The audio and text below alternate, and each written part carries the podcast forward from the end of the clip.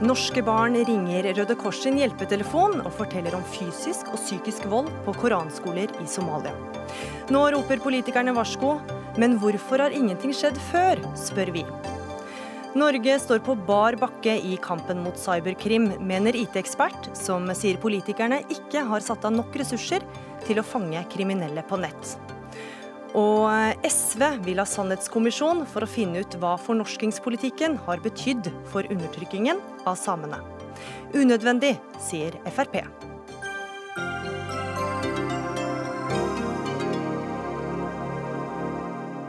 Ja, velkommen til Dagsnytt 18. Jeg heter Gry Veiby. Og den neste timen skal du også få høre at slanger, øgler og skilpadder blir nå lovlig å ha som kjæledyr i Norge. Men vi begynner med en litt annen sak. Fortvilte norske barn og unge ringer fra Somalia til Røde Kors sin hjelpetelefon og ber om hjelp. Det kunne NRK nylig fortelle. De er etterlatt mot sin vilje på koranskoler. Noen forteller at de blir innelåst og utsatt for fysisk og psykisk vold. Og For rundt to uker siden aksjonerte politiet i Somaliland mot en koranskole der to mindreårige norsk-somaliske jenter var elever. Og Therese Sørhaug, du er rådgiver ved Røde Kors-telefonen for tvangsekteskap og kjønnslemlestelse. Og Dere mottar telefoner fra barn og unge som er sendt på koranskole i utlandet. Hva slags historier hører dere? Nei, altså De unge som kontakter oss, eh, de kontakter oss gjerne via Messenger og Facebook. Eh, det de forteller oss, det er at eh, det de trodde var at de skulle på en sommerferie, og når den sommerferien begynner å nærme seg slutten, så får de beskjed om at de ikke skal få returnere til Norge, men at de må bli igjen eh, i eh, det landet. Eh, og noen av de blir sendt på skole. Uh, og det de forteller, er jo at de befinner seg i en svært sårbar situasjon. de er redde. dette er noe de ikke ønsker. De er fratatt pass, penger. Eh, og trenger bistand til å komme hjem til Norge. Hvordan hjelper dere de som ringer, da? Eh, det viktigste for oss eh, er jo å høre historien til den unge og være en brobygger over til det offentlige hjelpeapparatet i Norge. Og mye av den jobben det er jo også å skape tillit til den unge. Fordi at de er også svært redde for å be om hjelp. Eh, så vi jobber mye med tillit. Eh, og deretter så er det jo det å være brobygger og ta kontakt med relevante instanser, som ambassade og integreringsrådgiver og kompetanseteamet om eh, tvangsekteskap og kjønnslemlestelse. Og Hvor mange er det som tar kontakt med dere, da, enten via ringing eller Messenger eller andre kanaler? det er litt vanskelig å tallfeste, men vi har ca. de siste fire årene så har vi i overkant av 50 personer. Eh, og da gjelder det både de som frykter å bli etterlatt, og de som er etterlatt. Og så er det alle de vi aldri får høre om. Eh, I NRK-saken så er en norsk statsborger arrestert, og personen skal altså ha drevet skolen ifølge myndighetene i Somaliland. Og hva vet dere da om de sakene vi aldri får høre om, som eh, aldri kommer på nyhetssendingene, eller som ringer til dere, tar kontakt med dere? Det vi merker, det er jo at det er en høy terskel å be om kontakt. Eh, spesielt for eh, disse unge. Eh, og den største frykten er jo at familien hjemme skal få problemer. Og at det er viktig for dem. Altså De er redd for å skape større problemer. Og det gjør at det er en høy terskel å be om hjelp. Mm. Stortingsrepresentant for Arbeiderpartiet, Jan Bøhler. Du mener koranskoler er et større problem enn det vi har visst til nå. Men hvis det er så stort problem, hvorfor har det ikke vært større fokus på dette fra politikernes side? Vi har eh, begynt å få et klarere bilde nå. Eh, NRK har gjort en veldig god jobb med de reportasjene. Og eh, ambassaden i Kenya skal roses for at de har tatt tak i dette her, og nå undersøker flere skoler, ikke bare den det har vært konkret satt søkelys på, i, i, i Somalia og i Kenya. Og Røde Kors gjør en veldig fin jobb med å få opp fakta her.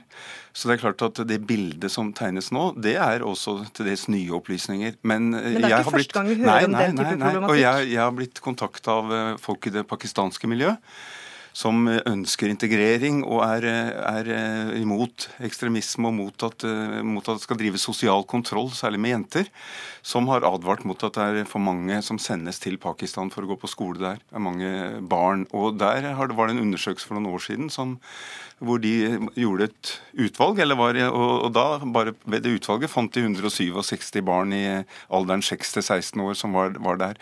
Og de mister jo da, i, i, i opphold fra 1 til 10 år, og de mister jo da språk. altså De mister venner. Mister egentlig en framtid i Norge. sånn at det er veldig alvorlig. Og jeg syns mer vi skal snakke om alvor i dette her, enn en, hva vi skulle ha gjort for noen år siden. For nå må vi gjøre noe nå. Og det er det jeg er, er opptatt av. Men har dere visst nok tidligere til at dere kunne gjort noe tidligere?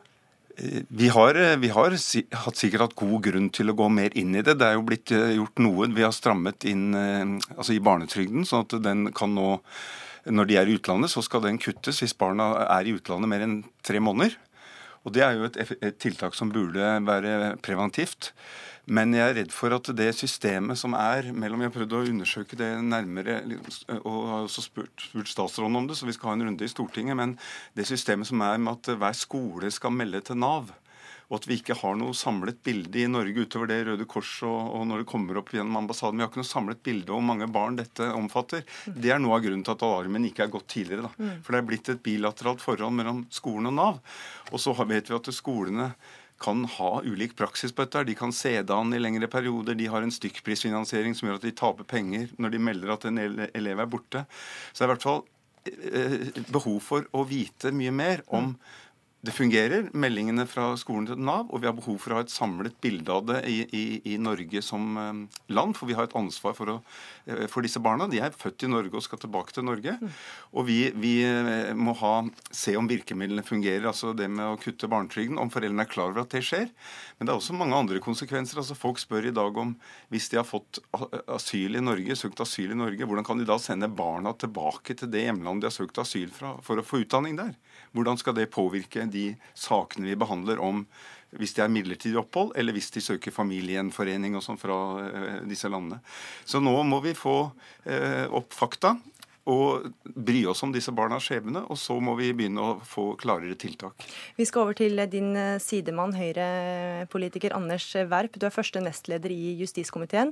Ingen fra Justisdepartementet hadde mulighet til å være med i Dagsnytt 18 i dag, men du er jo her. Eh, den norske ambassaden i Kenya hjelper norsk-somaliske barn og unge som er etterlatt mot sin vilje i Somalia og Kenya. Ambassadøren sier til NRK at de har kjennskap til enkelte navngitte skoler i Somalia der forholdene beskrives som torturlignende av ungdom som har oppholdt seg der. Hva, hvordan kan dette skje med norske barn? Nei, Dette er eh, ikke akseptabelt uh, i det hele tatt. Takk til Røde Kors og andre som jobber på dette feltet, som, som bidrar med å løfte saken fram i lyset. Det er mørketall, det vet vi. Eh, dette må det absolutt eh, tas tak i, det er det ingen eh, tvil om. Dette er, ikke, dette er det motsatte av integrering. Ja, og hva, hva, skal dere gjøre med det? Nå vet vi at dette problemet eksisterer, hva skal dere gjøre? Ja, Det er altfor mange som hver på sin måte jobber med temaet. Innen helse, innen kommunal forvaltning innen justis osv. Vi må koordinere informasjonen bedre. Utenriksdepartementet er en nøkkelfaktor, antageligvis. De jobber bra med dette. Vi har fått en handlingsplan mot tvangsekteskap, vi har fått en handlingsplan mot radikalisering.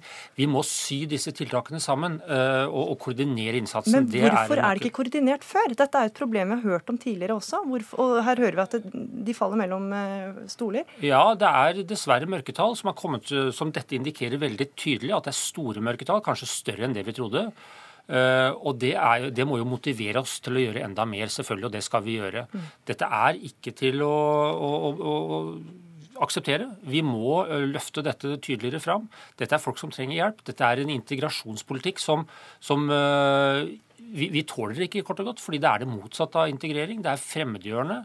Og vi, vi skaper langsiktige problemer, ikke minst for disse ungdommene og disse barna, men også i en større sammenheng så er dette veldig problematisk. Du snakker om et koordineringsproblem. Når skal det skje? At det koordineres eh, mellom ulike departementer? Instanser? Ja, vi, vi, må starte med en gang. Eh, nå har det jo også, ikke minst med tanke på det som skjedde i forlengelsen av handlingsplanen mot radikalisering og voldelig ekstremisme, så er jo et av hovedpunktene der det er jo koordinering av myndighetenes eh, innsats.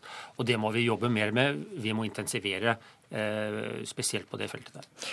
Hvilken mulighet har norske myndigheter å, til å kontrollere skolene norske barn går på i utlandet? Jeg tror ikke vi har så veldig mange vi må ha aktive utestasjoner og ambassader som, som fanger opp dette. Men ikke noe kontroll i dag? Vi må ha lokalmiljøer som, som melder fra, uh, og hvor den informasjonen deles i myndighetsapparatet. Hvilke elever er det som ikke stiller på skolen? Hvem er det som ikke kommer hjem etter sommerferien? Hvem er det som ikke blir uh, til, altså, ja, etter ferier? Uh, og samle de opplysningene, prøve å få et bilde. Og så må vi samle det ett sted. Jeg tror Utenriksdepartementet kanskje er den operative armen ute, men her hjemme så, så er det, det er for mange som sitter på den informasjonen uten nødvendigvis å dele godt nok. Ja, jeg mener at det er noe av det viktigste, å få skoler og kommuner til å melde dette også inn nasjonalt, så vi får en samlet oversikt, at det blir en plikt til det. Og at utestasjonene skal vite om hvilke barn som er sendt til det landet, og skal sette seg inn i hvilke skoler de går på, og hva som skjer der, og hvordan disse barna, hvordan det går med dem. Men det viktigste er å hindre at de sendes ut landet. Og Der mener jeg disse tiltakene om å følge opp at, at barnetrygden de faktisk vet at barnetrygden vil bli inndratt, og at den blir inndratt.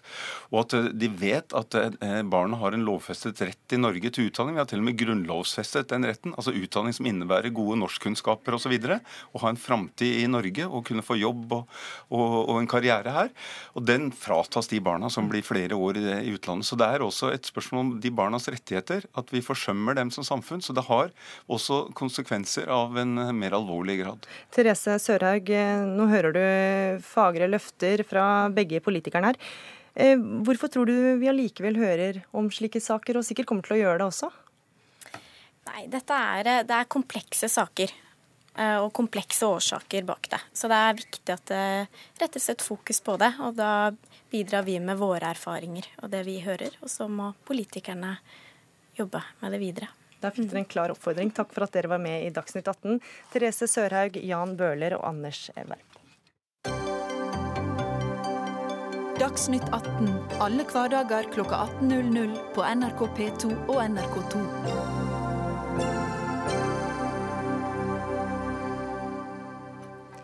Ubehaget mange kvinner opplever ved p-pillebruk, må tas alvorlig. Men i en norsk bestselger får de høre at de bare er del av en trend og påvirket av venninneprat.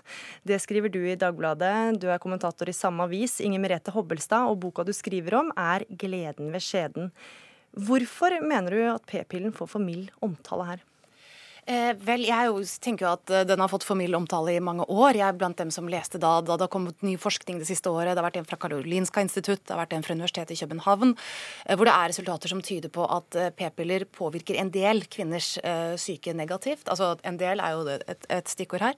Eh, og på en måte bekrefter det, den opplevelsen mange har hatt av, av ganske kjipe bivirkninger av p-piller. Og som en som har opplevd det selv, og kjenner mange som har gjort det, så har jeg nettopp savnet den type informasjon. At man slipper å gå rundt og føle seg elendig ganske lenge før man tilfeldigvis leser pakningsvedlegg og finner det ut eh, selv. Så jeg var veldig glad for denne forskningen. Og så leste jeg altså eh, det som står i Gleden med skjeden om eh, denne typen prevensjon, og ble Eh, veldig overrasket og ganske skuffet, eh, egentlig. Det er for øvrig ellers en veldig fin, informativ bok. Flott prosjekt. Men altså der, når det står om bivirkninger av hormonell prevensjon, så står det omtrent som Altså blir omtalt som en motesak. Det står at det ikke er rart at leger reagerer når de plutselig får høre om bivirkninger av et legemiddel som har vært i bruk i mange år. Noe som jeg forundres over, for det å finne kvinner som har diskutert og hatt problemer med dette i alle ti år, det er ikke, ikke spesielt uh, vanskelig. Uh, og de snakker om at, nei, det er, at det er ikke så rart, fordi ryktene om humørforandringer sper seg i nettforum i venninnegjenger. Uh, så det er på en måte slik at den som opplever bivirkninger, får i veldig stor grad høre at de bare er ikke sant? De er påvirket av at de, altså, Nærmest at de innbiller seg ting. da. Mm. At de er påvirket av en slags sånn tidsånd. Og det er jo ikke sånn det er for veldig mange. Det er jo sånn at først, altså det at Du kjenner deg ikke kvalm fordi noen sier til deg at du er kvalm. Du sitter ikke og gråter foran Dagsrevyen fordi noen på en måte sier at du gjør det. Det er jo ofte slik man registrerer i sin egen kropp først. Og deretter, eh, hvis du har litt, har litt, flaks, da, oppdager at det kan eh, skyldes p-pillene. Og jeg tenker Hvis det bagatelliseres, som jeg syns det, det, gjør her, eh, så kommer det til å hindre at pillene blir bedre.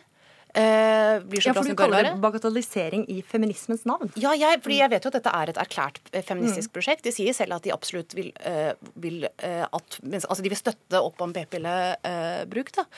Eh, men resultatet er at de fremstiller kvinners forhold til sin egen kropp og helse og reaksjon i sin egen kropp som nærmest noe som er bare følelser, ikke fakta. Noe som er produksjon av at man blir liksom gira opp av venninnene sine.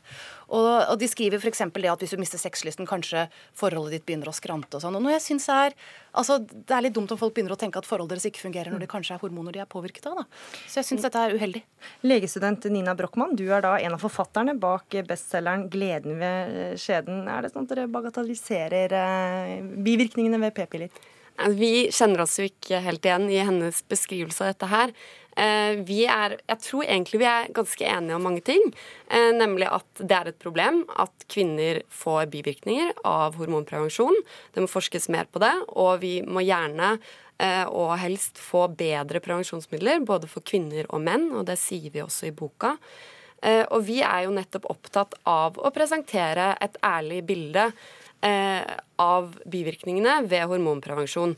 Og føler jo ikke at vi har bagatellisert det. Vi har jo snarere satt av nesten 10 av boka til å snakke om bivirkninger.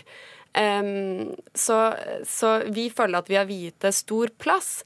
Men samtidig så må jo vi eh, forholde oss til det forskningen per i dag faktisk viser. Og det er vel der på en måte vår uenighet kanskje kommer inn, da. Fordi eh, Hobbelstad eh, insinuerer jo at vi har en sånn ideologisk slagside i hvordan vi presenterer forskningen, og at vi nesten liksom bevisst har unngått å vise til forskning som strider imot vårt ståsted. Men, men, og hun trekker da fram disse to studiene fra Karolinska og Danmark eh, for å vise det. Men hvis man leser disse to artiklene, som er da de to nyeste eh, artiklene på dette feltet, som da eh, hun sier har vist en 80% økning i eh, depresjon hos p-pillebrukere. Men det er jo litt måten risik dere risikoen, ikke ja, depresjon. ja. Men det er jo også måten dere skriver om, ikke sant? at man, eh, ryktene om humørforandring kan spre seg Ja, blant kan- venninner, og at det, da, at det da kanskje ikke er bivirkninger som skyldes p-piller, men at man bare skylder på p-pillen? Ja, men det er, der, det, er der, det er derfor det er viktig å kommentere hva som står i de studiene. Og det, for det er der eh, dette argumentet kommer fra. Og det er jo at disse studiene viser at ja, det forekommer eh, eh, Så langt tyder det på at det forekommer psykiske bivirkninger av hormonprevensjon. Men dette gjelder svært få kvinner. I den danske studien så, så man en økning fra at 1 av kvinner uten prevensjon eh, fikk det, til at 1,8% fikk det. Altså at 99,2% av alle kvinner på hormonprevensjon ble ikke deprimerte av hormonprevensjonen sin. Og det mener vi det er viktig å få frem. To, så er det jo det at eh, når man vet at depresjon og humørsvingninger er utrolig vanlige fenomener i befolkningen, som det også viser i disse studiene, så er det faktisk sånn at hvis du blir deprimert eller har humørforandringer på hormonprevensjon, så er det mest sannsynlig at det ikke skyldes hormonprevensjonen. Det betyr ikke at for deg at det kanskje ikke er tilfellet, men så overordnet så er, det, så er det faktisk mer sannsynlig at det ikke er hormonprevensjons skyld.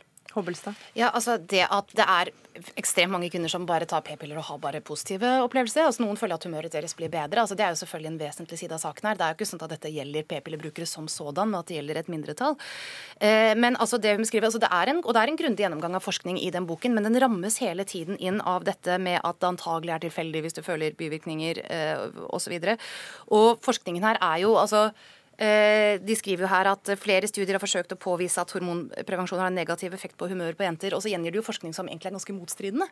Eh, Så det er jo ikke sånn at forskningen er entydig her, som du sier. Og det vi nok er enige om, er at det trengs eh, absolutt mer. Men når det er store studier som absolutt påviser at dette eh, kan være reelt, jo, og det er i overensstemmelse med det ganske mange kvinner har opplevd, så er jo det eh, først og fremst et tegn på at, at det trengs mer, og at det ikke minst trengs mer for at disse medikamentene skal bli bedre. Men kan ikke det å nevne så mange bivirkninger gjøre at man, mange kanskje ikke går på p-pilla, da? Selvfølgelig, og det er derfor veldig viktig at legene som, eh, som eh, gir ut p-piller, kan gi, si begge deler. Som både kan si at det er en risiko for bivirkninger i dette, men også si at de aller fleste eh, ikke opplever det, eller kan anbefale andre typer medikamenter for de som, for de som det gjelder. Men altså det å si f.eks. at leger Det er jo ikke rart at de stusser når de plutselig får beskjed om bivirkninger av noe som har eksistert i Altså, det, nei, det, det stemmer men, jo bare ikke. Nei, dette er jo ikke noe nytt. Nei, men det er eh, en ny utvikling med denne antihormontrenden. Det ser vi uttalt når vi møter unge kvinner og eldre kvinner, og hvis vi skal bruke anekdoter, mine egne venninner. Mm. Altså, det er så mange som kommer til oss og sier og lurer på om de burde slutte på prevensjonen sin fordi de har fått en oppfatning i media av at hormonprevensjon, det er farlig. Og da er det nettopp sånne fremstillinger som Hobbelstad gjør i sin kommentar, som gjør at uh, mange kvinner blir redde helt uten grunn. Og når, det er ikke for å bagatellisere de som faktisk får reelle Eh, problemer. Men det er allikevel viktig at vi eh, klarer å liksom nyansere det her. Og mer enn det har vi faktisk ikke plass til. Men takk for at dere kom til Dagsnytt 18. Inger Merete Hobbelstad, kommentator i Dagbladet, og Nina Brochmann, legestudent og forfatter av 'Gleden med skjeden'.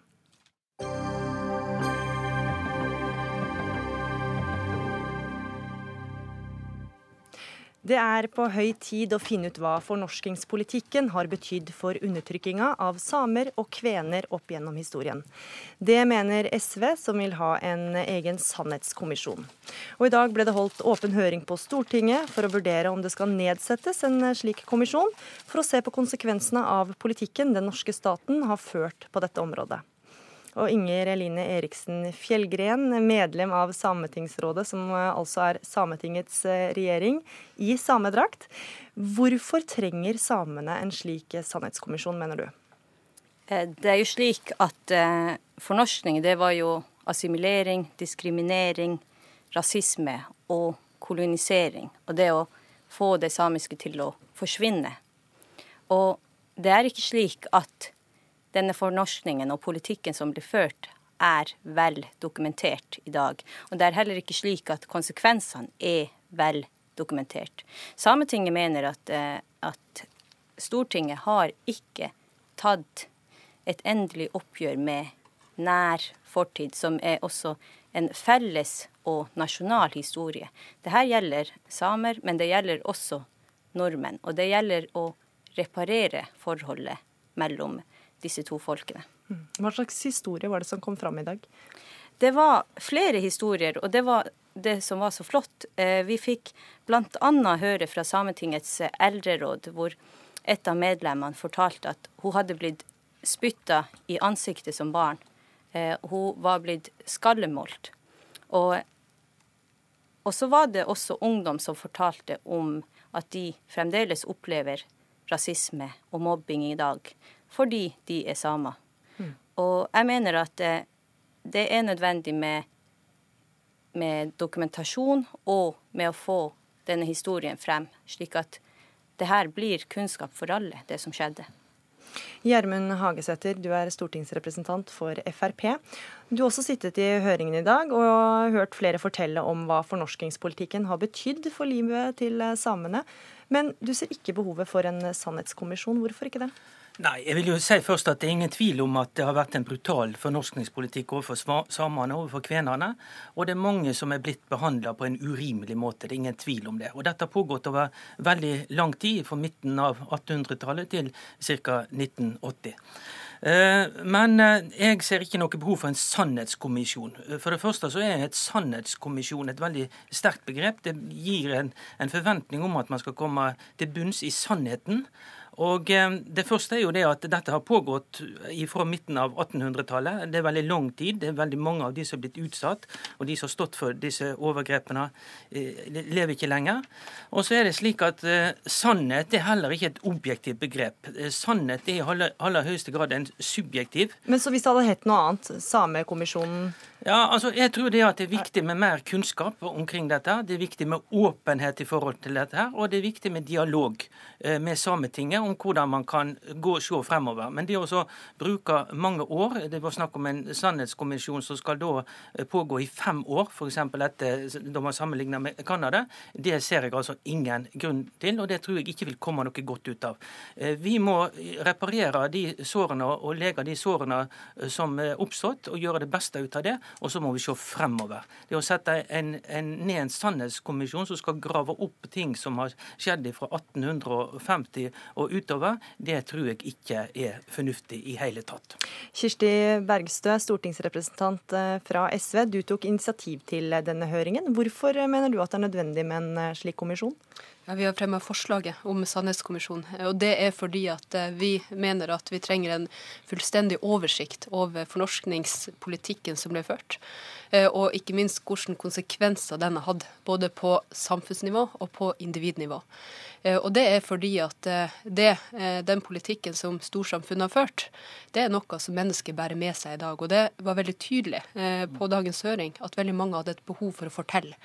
Eh, og vi har jo hørt både kirka, menneskerettighetsmiljøer, ikke minst et bredt eh, eh, spekter av samiske miljøer og, og juridisk kompetanse, som alle som en har lagt frem behovet for bedre dokumentasjon, mer kunnskap og det å kunne stå på en felles plattform. For her er det ikke snakk om å søke skyld, å fordele skyld, men å søke sannhet. Men, men, hva, men hva vil det gjøre for samer i dag? Har det noen betydning?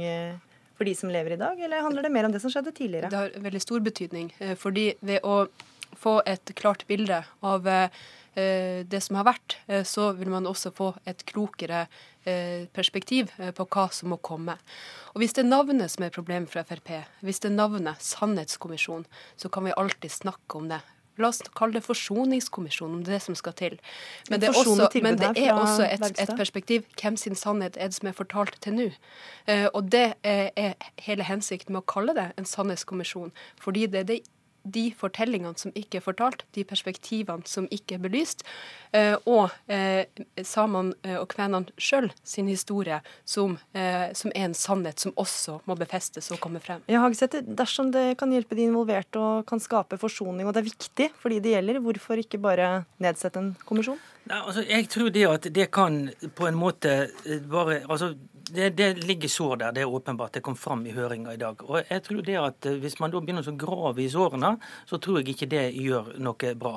Eh, jeg tror det at det er bedre det at man prøver å, å eh, lege de sårene som er der, og så se fremover. Og, og, da tror jeg det at man skal på en måte ha en god dialog, ha snakke med Sametinget, og se hvordan man kan da få mer kunnskap om dette, hvordan man kan ha mer åpenhet omkring dette, og hvordan vi kan se fremover.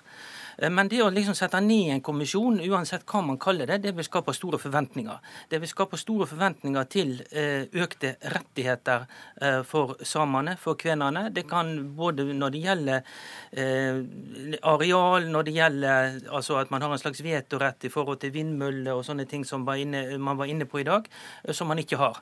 Og det er det at man skal gi mer rettigheter til samene, til kvenene, så betyr det at det er andre som får mindre rettigheter, som mister rettigheter rettigheter som man har i dag. Og, og Da er man inne i noe som jeg tror det kan øke konfrontasjon og kan, kan gjøre større skade enn en gang. Spørsmålet er om man vil ha kunnskap på bordet eller ikke. Du tror ikke eh, det vil øke at flere vil ha rettigheter til altså, Da får man jo ta diskusjonen derfra. Her er det snakk om å, om man vil eh, legge et lokk over historien, mm. eller om man faktisk ønsker en dokumentasjon for å se hvilken virkning har det på samfunn og individnivå.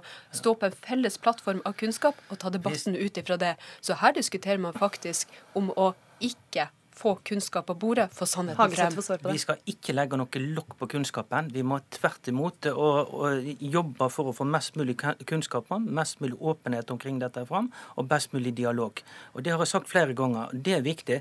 Men hvis man skal ha kunnskap fram, da, så er det kanskje bedre å sette ned en, en, en gruppe med historikere som kan se på dette, istedenfor å kalle det noe så stort som en sannhetskommisjon. For dette en sannhetskommisjon det vil òg skape store forventninger til økte økte rettigheter. Men da går det på navn igjen, da, Sannhetskommisjonen? Ja, eller en annen kommisjon. altså Ja. for, uh, Forsoningskommisjon, var det det du kasta fram? Det vil òg skape forventninger til økte rettigheter til, uh, til uh, både for samer og for kvener. Ja, og, ja. eh, og fra, jeg må fra Sametingets side si at jeg er rysta over at eh, Hagesæter her sier at det her blir en altfor langvarig prosess, og han sier, nevner fem år. Når samene er utsatt for fornorskning, kolonisering, i 150 år, så sier man at fem år i å se på fornorskningen og se på konsekvensene er altfor lite. Eh, er altfor lang prosess. Altså det, det, det er jeg rystet over. Og det at et folk og individer har mistet sitt språk, sin identitet, har mistet sin land, sitt land, eh, at det å, å gjenopprette den uretten, at det vil skape en forventning om, om, om rettigheter eh, Jeg kan ikke Men, forstå men, eh, den, den men diskusjonen. Fjellgren, det er også uenighet blant samer om hvorvidt en eh, slik kommisjon eh, trengs. Hvorfor skal vi lytte mer til deg enn til eh, kritikerne eller de som ikke vil ha det, ikke orker å rippe opp i dette her? Jeg tror at eh, dagens eh, åpne høring viser at det er et stort flertall i det samiske samfunnet for å opprette en slik kommisjon. Eh, og jeg mener også at det er klart at den som er utsatt for overgrep, for misbruk, og det er nettopp det assimileringspolitikken var, var må få lov til å fortelle sin historie for å kunne, kunne reparere seg, for å forsone seg. Og det er det dette handler om. Vi ønsker en granskning av det som skjedde. Og debatten kommer nok til å fortsette. Takk for at dere var med i Dagsnytt 18. Kirsti Bergstø, stortingsrepresentant for SV, Inger Eline Eriksen Fjellgren fra Sametingsrådet og Gjermund Hagesæter, stortingsrepresentant fra Frp.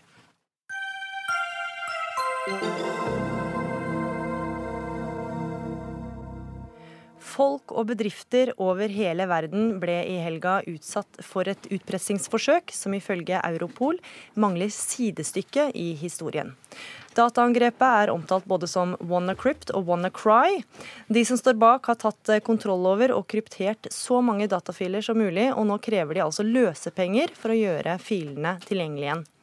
Og Hans eh, Christian Pretorius, du er avdelingsdirektør eh, for IKT-sikkerhet i Nasjonal sikkerhetsmyndighet.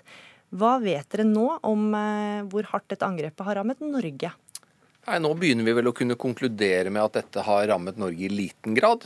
Det er ikke noen samfunnskritiske funksjoner som er truffet. Det har vært enkelte aktører. Noen av de har vært ute i media. Det har vært et hotell, Choice Hotel, det har vært et billettsystem. Så det har vært i veldig liten grad. Så det står i ganske sånn skarp kontrast til det vi har sett rundt omkring i verden. Hvor det er godt over 200 000 klienter. Noen har vært truffet tungt, eh, med bl.a. Storbritannia, hvor, eh, hvor, sykehus fikk problemer. Så vi har, vi har, endt opp med en litt annen situasjon i Norge, og betydelig mindre konsekvenser. Hva, hva er forklaringen på det? Nei, først så tror jeg vi skal liksom faktisk skryte litt av de som jobber med IKT-systemer og oppdatering, for dette har jo vært løst gjennom at systemet har vært oppdatert. Dette var en, en oppdatering som Microsoft slapp i mars. Hvis den var på plass, så ville altså ikke dette viruset kunne infisere. Og sånn sett, Det har vært den viktigste årsaken til at vi har sluppet såpass billig unna. Hva vet vi om dem som står bak angrepet? Veldig lite, dessverre. Ting peker jo mot at dette er kriminelle aktører. Fordi at dette har dreid seg om utpressing og dette har dreid seg om å, få tak i penger. Hvem som står bak, og hvor liksom disse kriminelle, kriminelle, eventuelt kommer fra, det er jo en rolle som det internasjonale politisamarbeidet og Europol må holde i. Men det er vel ikke konkludert noe rundt det ennå. Og de krever da penger. Hva vet vi om hvordan denne utpressingen foregår? Nei, De krever betaling, og så krever de betaling gjennom bitcoin, som er en valuta som, på en måte, som finnes på internett. Det er en utfordring i seg selv for de som blir truffet, for det er ikke så mange som vet hvordan du får tak i bitcoin. Men det er en betalingsvaluta som er omsettelig. Og du blir fortalt at hvis du betaler, så skal du også få tilbake nøklene som gjør at du kan låse opp disse filene. Vi sitter med litt ulike meldinger nå, både om i hvilken grad denne betalingen virker. Rykter sier at det spiller ikke rolle om du betaler, du får ikke låst opp. Og man stiller også spørsmålstegn ved hvordan egentlig dette er satt opp. Men i utgangspunktet så virker dette på den måten. Du får låst ned filene, og du får beskjed om å betale. Og gjør du det, så skal du få låst det opp igjen. Er det slik at vi kan anta nå at angrepet er over, eller vil det komme mer utover uka, tror du? Det der er det litt vanskelig å kommunisere rundt, for å være ærlig på det. Ja, denne versjonen og dette angrepet vi har sett gjennom helgen, det tror jeg begynner å dra mot slutten. Mm. Så vet vi erfaringsmessig at denne type skadevarlig virus kommer i flere versjoner. Vi kaller det ofte bølger. Så med, vi kan godt med god grunn forvente at det kommer nye bølger. Det regner vi med. Samtidig så er tiltaket også i de neste bølgene, det er vi rimelig sikre på, det å være oppdatert. Så har man det på plass, så vil man heller ikke bli truffet av de neste bølgene. Sofie Nystrøm, du er direktør for Senter for cyber- og informasjonssikkerhet ved NTNU. Eh, stortingspolitikerne har en stor oppgave for å løfte cyberkriminalitet, eh, sa du i Dagsrevyen i helgen. og Hva mener du med det? Jeg mener at vi har uh, satset for lite på digitalt politiarbeid. Uh, det betyr at vi skal bekjempe IKT-kriminalitet og den type kriminalitet vi har sett globalt nå de siste dagene. Uh, vi har store mørketall også i Norge, og vi trenger et politi som er rustet også for å hjelpe innbyggerne og bedrifter som er utsatt for digitaltyveri, bedragerier og den type utfordringer som, som vi ser allerede i dag. Dette har vært kjent lenge. Eh, og er ikke noen nyheter. Jeg tror det er mange som er veldig opptatt av at vi nå løfter også politiet på digitale arenaen. Men vi kom jo ganske godt ut av det, sier jo Pretorius her. Ja, vi gjør nok det i forhold til den, det angrepet vi har sett nå. Eh, men det er ikke sikkert at vi ser alle de angrepsvektorene og de, eh, de utfordringene vi faktisk har rundt oss. Og det er jo en grunnleggende utfordring med cyber og det digitale, at det er usynlig. Eh, og Det gjør også at det er lavt på prioriteringsstigen til politikerne. Mm. fordi det er det nære og det fysiske ofte som vinner over det digitale og det virtuelle. Du har sagt at vi står på bar bakke. Hvor ille står det til egentlig? Ja, Vi leverer nå en, en, en utredning til regjeringen på torsdag. Jeg skal ikke si for mye om hva konklusjonen der er, men, men det som er allerede offentliggjort, er jo at eh, noen av våre sentrale politimyndigheter bare har kapasitet til å håndtere to til fire sakskompleks i året. Eh, og det er ikke innen, innen data, eller cyberkriminalitet. Mm. Og det betyr jo at vi har enorme mørketall eh, som vi ikke klarer å håndtere. Så dette er nesten på bar bakke, etter min mening. Per-Willy Amundsen, justis- og beredskapsminister fra Frp. Kjenner du deg igjen i kritikken fra Nystrøm? Eh, står vi på bar bakke? Jeg vil ikke si at vi står på bar bakke, men jeg mener at vi trenger betydelig større innsats på innsats mot kriminalitet i det digitale domenet. Det er det ingen tvil om. Og det opplever jeg også at vi er i gang med. Husk, dette er også en viktig eh, del av eh, nærpolitireformen. Det handler altså om å bygge kompetansemiljø som er en forutsetning for å kunne lykkes. Eh, for å bekjempe det som er kompleks, grensesprengende kriminalitet. Og jeg vil jo ikke si at ingenting er gjort. Altså Den innsatsen som vi har fått på plass når det gjelder å bekjempe Eh, overgrep mot barn og unge på nettet, eh, er jo et godt eksempel på en innsats som, eh, som, i høyeste grad har fungert. Men det er bare starten. Det er mye som skal skje i tida fremover. Det vises til en utredning som kommer på torsdag. Jeg gleder meg også til å lese den utredninga. Men, men, men, det handler altså fundamentalt om å bygge organisasjoner Eh, som kan håndtere eh, denne typen kriminalitet. Det betyr at den gammeldagse måten å drive politiarbeid på, den, har, altså, den, er, den er, historie. Men dere har jo hatt det, stort fokus på mer synlig politi. Ja, og det tror jeg de fleste syns er viktig. Men, men, hvor mange av de nyopprettede stillingene i politiet jobber med bekjempelse av eh, cyberkrim? Eh, vi har, det, det er betydelige stillinger rundt omkring i politidistriktene som jobber med å bekjempe eh, f.eks. vold og overgrep mot barn. Men de klarer bare å løse et par saker i året, sier så, og så, så sier jeg at det skal på plass en større innsats i tida som kommer. Jeg er veldig veldig opptatt av disse, eh, disse sakene. Jeg var selv på besøk i London for noen uker siden og lærte om det arbeidet, betydelige arbeidet britene legger ned for å bekjempe cyberkriminalitet. National Cyber Security Center som ble oppretta der i eh, februar var det vel, av dronninga. En stor nasjonal satsing som britene har gjort. En helt annen fokus på disse tingene, men det handler altså om å bygge organisasjoner som kan håndtere det. Det handler om selvfølgelig ressurser til å gjøre det. Det handler om å bygge kompetansen. Folk må utdanne seg, vi må ha inn den type kompetanse i politiet. Eh, og så må vi også ha nye eh, politimetoder for å kunne avsløre denne type kriminalitet. Og Per i dag er det et par saker som kan bli opp, eh, oppklart i løpet av året. Er det godt nok? Nei, Jeg er helt enig i at ikke det er godt nok. og Derfor så mener jeg at det er en viktig premiss for videre politiinnsats. Husk, det vi ser rundt oss er egentlig ganske historisk. Hvis du ser på hele, den, eh, hele Vest-Europa, så går altså den fleste typer kriminalitet, tradisjonell kriminalitet, type analog kriminalitet om du vil, går ned, med noen få unntak. Mens eh, kriminaliteten øker dramatisk i det digitale rom. Så gå fra analog til digital kriminalitet. Da må politiet følge etter eh, kriminaliteten når den beveger seg over i det digitale rom. Det er jeg opptatt av at vi skal gjøre. Eh, men, treng, men, til å gjøre det, så må vi altså eh, skru om politiet. Vi må gjennomføre den reformen vi er i gang med. Og vi må også, når, disse, når særorganutredninga kommer, se nærmere på bedre måte å organisere den delen av det. I dag er det jo Kripos eh, mye godt som jobber med disse tingene, i tillegg til at det gjøres en del ute i politidistriktene. Det kan godt hende at vi må organisere oss på en bedre måte i fremtida. Nystrøm, er du beroliga etter disse ordene? Jeg vet at justisministeren har eh, løftet flere viktige områder, som å utvide, utvide lagringen av IP-adresser, og er opptatt av de digitale utfordringene. Samtidig så står politiet i en sånn budsjettspagat i forhold til at jeg skal løfte en, en IKT-infrastruktur Eh, en grunnmur fra, med et enormt etterslep som er helt nødvendig å gjøre for å sikre seg for at man ikke blir utsatt for den type ransomware vi ser nå. Eh, datasentre, nettverk, altså helt basale ting som må opp og gå. Det tar veldig mye kraft. Og så er det en, en, en omorganisering og en stor reform. Og i det eh, budsjettet, den budsjettrammen der, så er det ikke rom for å prioritere et stort løft på det digitale. Så vi håper jo og tror at med regjeringens særorganutredning at vi nå kanskje får muligheten til å satse på også et digitalt politi og cyberkriminalitet. Digitalt politi? Ja, eh, jeg er som sagt Vi har jo bedt om denne utredninga av en grunn. Det er jo ikke fordi at vi har forhåndskonkludert, det er jo fordi at vi vil få de gode rådene. Men i dagens plan eh, er det ikke rom til å prioritere?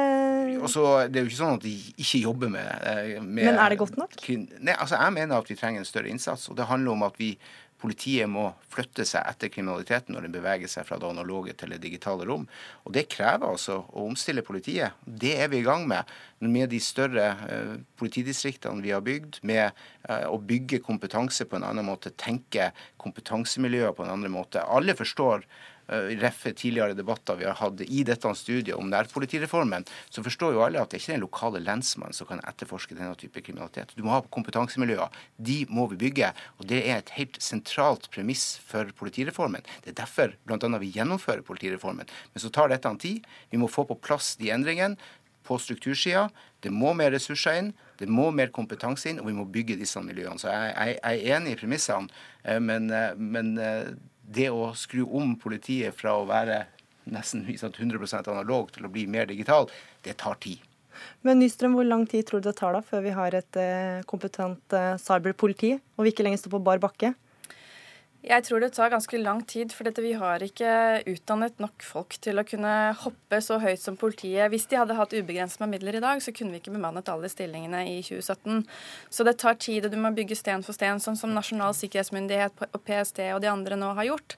Det løftet må også gjøres i norsk politi. Og det vil kanskje kreve 250 millioner kroner, inklusiv dataavlesningsverktøy, og det er, veldig mye som skal på plass. Det er etterslep som blir bare større og større år for år, og dette er godt kjent i politiet. Mm. Og, og, det er krevende å finne de rammene man trenger for å ta det løftet. Bare få lov å si at, Veldig kort. ja, altså, vi kommer jo også med egen stortingsmelding på IKT-sikkerhet eh, før sommeren, som tar opp masse av eh, de problemstillingene som reises her. og jeg tror at, altså, Så må vi heller ikke underslå at det gjøres en god jobb. Selv om miljøene skulle vært større og vi skulle ha kommet lenger, så gjøres en god jobb i Kripos. Det gjøres en god jobb med Operation Darkroom. Mange operasjoner rundt omkring i ulike politidistrikt. Så det gjøres en jobb i dag. Eh, men eh, jeg er blant de som absolutt mener at vi må ha en sterkere innsats i tida som kommer i det digitale rom. Og da fikk du siste ordet, Per-Willy Amundsen, justis- og beredskapsminister fra Frp. Takk også til Sofie Nystrøm, direktør for Senter for cyber- og informasjonssikkerhet ved NTNU, og Hans Christian Pretorius, avdelingsdirektør for IKT-sikkerhet i Nasjonal sikkerhetsmyndighet. Hør Dagsnytt 18 når du vil. Radio NRK Radio.nrk.no.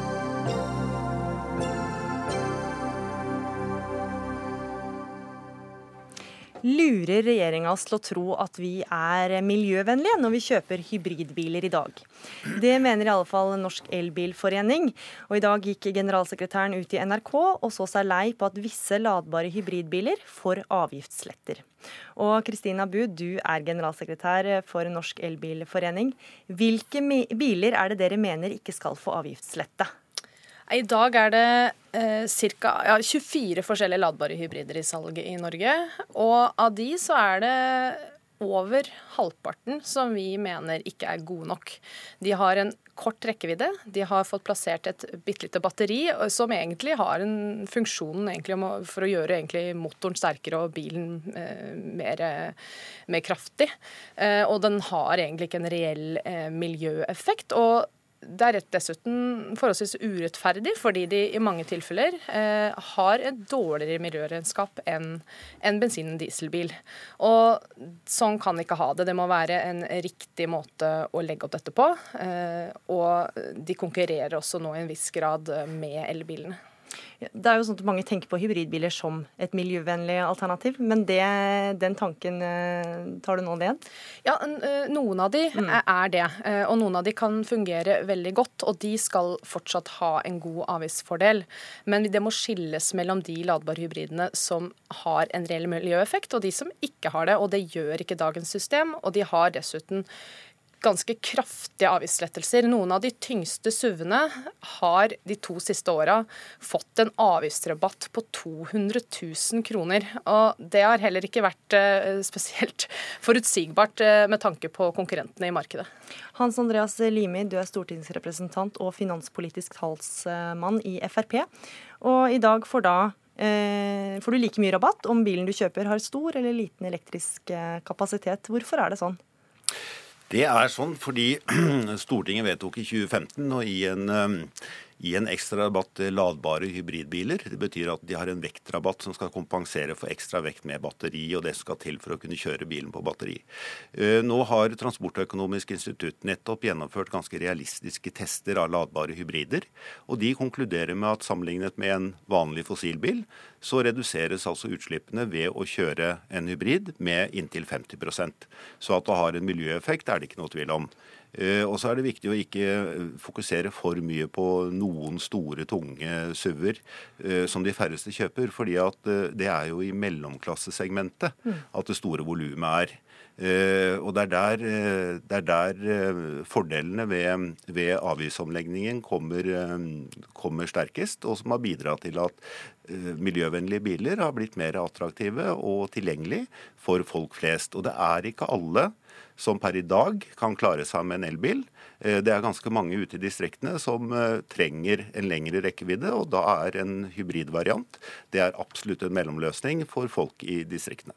Ja, Bu, Er det ikke bedre for eh, de som også bor utenfor Oslo og skal kjøre lengre avstander? Jo, det er helt riktig. Og vi støtter også at de gode ladbare hybridene har gode avgiftsfordeler. For det er dessverre sånn fortsatt at det er en del elbil ikke passer for fordi de ikke tilbys store elbiler med, med, hengefeste og sånne ting som noen, noen, ber om. Men er det ikke da tross alt bedre å kjøpe en hybridbil? Da er det tross alt bedre at de kjøper en god eh, ladbar hybrid mm. med en OK rekkevidde, for de finnes det faktisk en del av. Eh, og de bør få en god miljørabatt.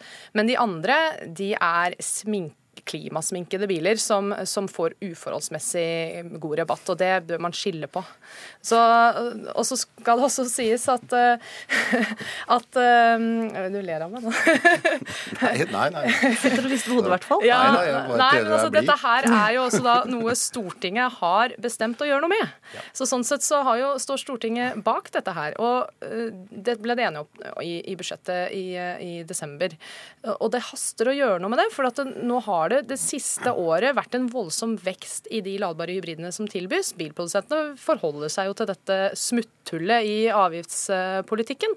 Sånn at eh, det selges flere og flere av de verstinghybridene. Eh, faktisk så er det sånn at 50% av de som er solgt så langt i år, er av de på, i den ikke-godkjente skalaen. Eh, og Det har endra seg det siste året, og det bør man rydde opp i det smutthullet så fort som mulig. Ja, Limi. Når du ser på um, salgstallene fra 2016, så er det jo helt klart at de mellomklassebilene, altså mellomklassehybrider, eh, selges det mange, mange tusen av. Men kan ikke det lure eh, oss til å tro at vi kjøper mer miljøvennlig bil enn det jo, vi i virkeligheten gjør? og det gjør vi. Mm. Og vi blir ikke lurt. Fordi nå viser altså alle tester at de som kjøper en ladbar hybrid, de kjører mest mulig på batteri fordi det er lønnsomt. Folk er ganske fornuftige sånn sett. De tenker kroner. Eh, og så har vi da tester som indikerer at utslippene går ned, og sammenlignet med bensin og diesel så er det lavere utslipp. Så du får altså uh, nye, moderne, sikre biler uh, tilgjengelig for flere, og det bidrar attpåtil at utslippene går ned. Så det syns vi er positivt. Men så er det helt riktig som det ble sagt at Stortinget har vedtatt at man ønsker en differensiering. Og Det betyr at man skal premiere de som da har lengst rekkevidde. Eh, så ser vi også at utviklingen går i retning av at rekkevidden på hybridbilene, altså på batteri, blir bedre og bedre. Eh, og Det ønsker Stortinget at skal premieres. Så regjeringen er bedt om å komme med et forslag. Det kommer ikke noe i revidert, det er ikke praktisk mulig å gjennomføre det nå, men det er varslet at det kommer i budsjettet for neste år. Ja, jeg syns det bør komme nå i revidert. og Det er også noe som ble slått fast i, i, budsjettet. At det bør komme så snart som mulig, og helst i revidert. Så her syns jeg det er på tide at man følger opp.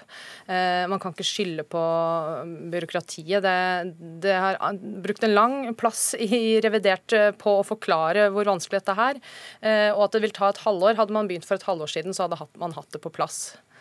Men det er nå slik at eh, de dataene som må registreres da, om batterirekkevidde eh, som et grunnlag for å differensiere avgiften, de er per i dag ikke tilgjengelig verken i motorvognregisteret eller i, avgiftssystemet til skatteetaten.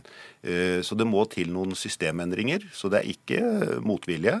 Regjeringen vil helt sikkert rette seg etter det Stortinget har vedtatt. Og så kommer dette i, budsjettet for 2018, og da trenger vi litt tid til å implementere sånt system. Men, eh, men at det kommer, det er det ikke noe tvil om, for det har regjeringen varslet i revidert. Utfordringen er at eh, når vi forsinker dette her, så, så, påvirker salget i veldig stor grad. Og de testene som Limi viser til, de er basert på, på fjoråret og, og enda lenger tilbake tall. Og som sagt så selges det nå flere og flere av de dårligste ladbare hybridene. Eh, det salget har økt eh, veldig. Sånn at det haster å få dette på plass. Og hvis man må vente på en mer eh, teknisk løsning for å få det til, så kan man altså bare redusere vektfradraget. Det er i dag på så mye som 26% og selv bilimportørene sjøl sier at det er for høyt. De har sjøl samla sett tatt til orde for at det bør reduseres. så Da kan man eh, i det minste eh, redusere det vektfradraget ned til f.eks. 15% inntil man får en ordning som kan skille mellom de gode og dårlige. De testene som Transportøkonomisk institutt har gjennomført, de er helt nye. Mm. Så de er, og de er meget realistiske realistiske. Og vi syns det er veldig bra vi, at flere kan velge miljøvennlig. Og da har vi brukt avgiftssystemet nettopp til å få til det. Og så får vi se hva som skjer på elbilsiden etter hvert. Og da var vår eh, tid over. Eh, takk for at dere var med, Kristina Bu, generalsekretær i Norsk Elbilforening, og Hans Andreas Limi, stortingsrepresentant for Frp.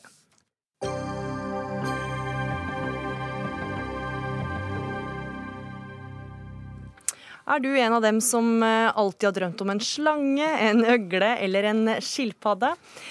Nå er, er, du kanskje glad, for sist uke bestemte regjeringa at det fra 15.8 skal bli lovlig å ha reptiler som eh, kjæledyr i Norge. Dermed står et, står et 40 år gammelt forbud for fall. Og denne gledens nyhet, eller skrekkens nyhet, alt ettersom, det offentliggjorde du, Morten Ørsal Johansen, med en boaslange dandert eh, rundt halsen. Du er Fremskrittspartiets landbrukspolitiske talsmann. Hvorfor legaliserer dere reptiler som kjæledyr? Uh, nå er ikke reptiler egentlig et kjæledyr, det er vel mer et uh, hobbydyr. Det, er, uh, det, betegnes ikke som et kjæledyr i hvert fall. Men, kan ikke kose med dem? jo da, selvfølgelig kan du kose med dem, men det er dyr som krever litt ekstra, litt mer enn en, en hund og en katt. og de som driver med, med reptiler, er veldig dedikert, dedikert i det, det, de driver med. De er spesielt interessert i det.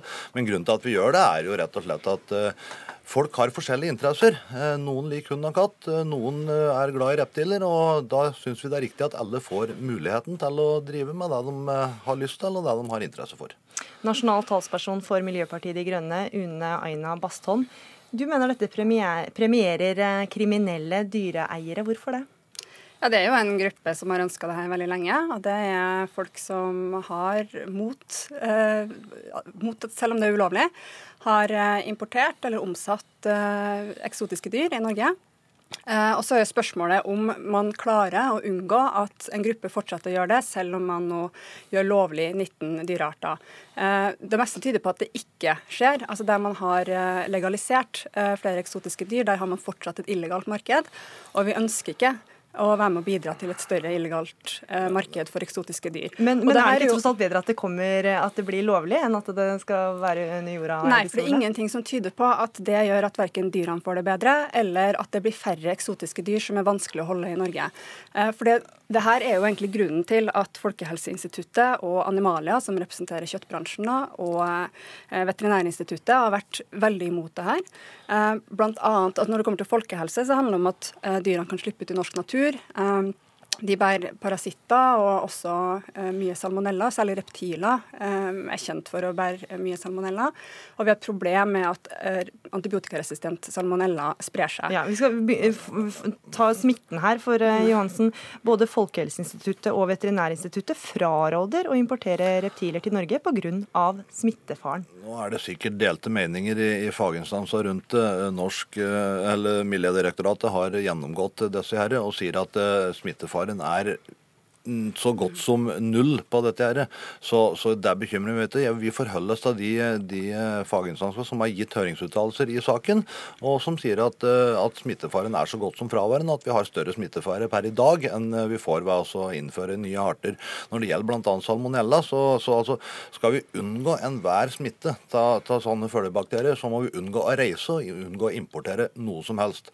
Eh, det er ikke realistisk. Og når vi da åpner opp for dette her nå, så sier jo faginstansen at smittefaren ikke øker eh, betraktelig. Den øker ikke, og da, da ser vi ikke noen grunn til å være så veldig bekymret for det. Ja, det, som fordi- for, det som er fordelen nå, er at vi får det mer åpent. Vi får bedre kontroll med det, får Mm. bedre oversikt, og det vil være en stor fordel. Men det er ikke grunnen til at vi åpner opp for det, er at det er mange som har det ulovlig. Vi er for at eh, det skal være en valgfrihet, vi.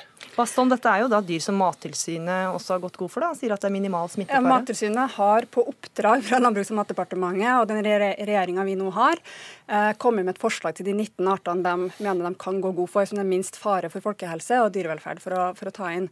Men de har jo gjort det på oppdrag, så vi bør ikke skyve dem foran oss her. Det som er det, her, det det her egentlig er, det er et kjempestort eksperiment. Og ja, risikoen når det gjelder salmonella er lav, men når det gjelder dyrevelferd, så er det veldig tvilsomt også. Eh, det her er jo dyr som eh, er veldig krevende å holde i norske hjem. Jeg mener vi har da nok eh, dyr som holdes i bur i norske hjem allerede. Og vi burde heller prøve å se på hvordan vi klarer å ivareta velferden for Der- dem enda bedre. Johansen, hvor, hvor god kompetanse har Ola Nordmann på å ha en slange hjemme som kjæledyr? det er nettopp det som er noe av, kjæledyr? noe av det som er eh, poenget her. At de som i dag har slike reptiler som, som eh, hobbydyr, har en veldig god kompetanse. Og det er ikke sånn at du går og kjøper deg en slange eller ei øgle sånn på impuls, som du gjør ofte med katt og hund. Du, du, får, du, får, du får dem faktisk. Du får, dem, du får hunder og katter gratis på, på, på Finn. Og det gjør du i hvert fall ikke med disse dyra her. Men tror du ikke at det det kan bli det? At det Nei, kan være litt ålreit å ha en Dette slange i bur hjemme? Det er spesielle dyr som har spesielle behov, og de som skaffer seg sånne, gjør det fordi de har en interesse av det. Jeg har ingen tro på at det blir noe sånn impulskjøp av slanger og øgler. Det, det, nei, det har jeg ingen tro på. Det er jo veldig oppsiktsvekkende argumentasjon. for det han egentlig sier er at for, Fordi folk er så eh, villige til å gå så langt at de bryter loven for å skaffe seg det dyret, så er bedre til å holde dyr, altså bedre i dyrepassere i enn de som har katt og hund. nei, nå- nå- Men dette- det er- dette blir usaklig. helt Dette blir dyre- Dyrefaglig også, så er det en forskjell på reptiler og amfibier eh, enn på pattedyr som vi mennesker har lettere for å forstå kroppsspråk til. har- Det er en av hovedgrunnene også til at man fra et dyrevelferdsperspektiv anbefaler å ikke ta de dyrene her, eh, hvis man eh, ønsker å ha dyr som man kan holde på en god måte. Vi har, vi har i dag forbud mot en del hunderaser, og vi vet at disse hunderaser finnes i Norge i dag. Nå har vi åpnet opp for 19 reptiler for å gi folk en mulighet til å ha dyr eh, som de ikke kan ha ellers, altså som, som ikke kan ha hund og katt, og som har en spesiell interesse. Det å nekte folk for det du ikke liker det sjøl, Ja. da Det er det mye vi kan gå inn og nekte her. Jeg syns det er greit at folk får valgfrihet, og for dem vi åpner for dette, så må du ikke ha en slange eller øgle, men, du får en mulighet. Baston, du snakker om dyrevelferd. Nå er det jo Mm. sånn at reptileiere kanskje ikke vil oppsøke veterinær, da, for at Mm. de har et uh, dyr, eller hadde, nå er det jo lov igjen. Er det ikke bedre at de får komme til veterinæren? Altså at det er åpent Ja, det er når de er syke? Det er et kjempeproblem, og det mener jeg departementet burde sett på om de bør klargjøre. Eh, fordi veterinærer har ulik praksis der på om de rapporterer eller ikke rapporterer hvis det kommer inn et ulovlig importert dyr som de skal behandle. Men noe av hovedproblemet nå er jo én, at vi ikke vet ved å åpne for de 19 artene her om det kommer til å bli mindre import av illegale arter, altså arter som vi fortsatt ikke vil ha inn i Norge av ulike grunner. Både dyrevelferd, folkehelse, norsk natur, at det blir en fare for naturmangfoldet. Men vi vet heller ikke om eh, veterinærkontorene rundt omkring i Norge nå er klar for å ta imot de her dyrene. Eh, og det er veldig lite som tyder på det, fordi eh, vi har ikke hatt de dyrene her før i Norge. Og foreløpig er det ganske lite miljø som kan noe om oppfølging av det. Johansen, bare et spørsmål her til spesielt interesserte. Altså, Hva skjer med alle disse, disse som har hatt disse dyrene ulovlig? Får de nå amnesti? Nå skal regjeringa gjøre en vurdering på det fram til 15.8, så får vi se hva som skjer der. Når det gjelder veterinærer, så, så var jeg på, på årsmøtet til Veterinærforeningen i Oslo og Akershus her for et par år siden og antyda at det kunne komme en sånn åpning. Og for å si det sånn, jubel sto i taket. De var veldig glad for at det kom en, eh, kom en åpning for at, eh, at reptiler ble eh, lovlige. De hilste det velkommen og så fram til det. Og det er mange som har sånne dyr i dag, som besøker veterinærer og, og får dem behandlet. Og veterinærer de, de, har for så vidt taushetsplikt. Og, og nå har vi ikke mer tid. Takk for at dere var med i Dagsnytt 18. Som ansvarlig for sendingen var Ida Tune Øritsland. Teknisk ansvarlig var Erik Sandbråten, og i studio var Gry.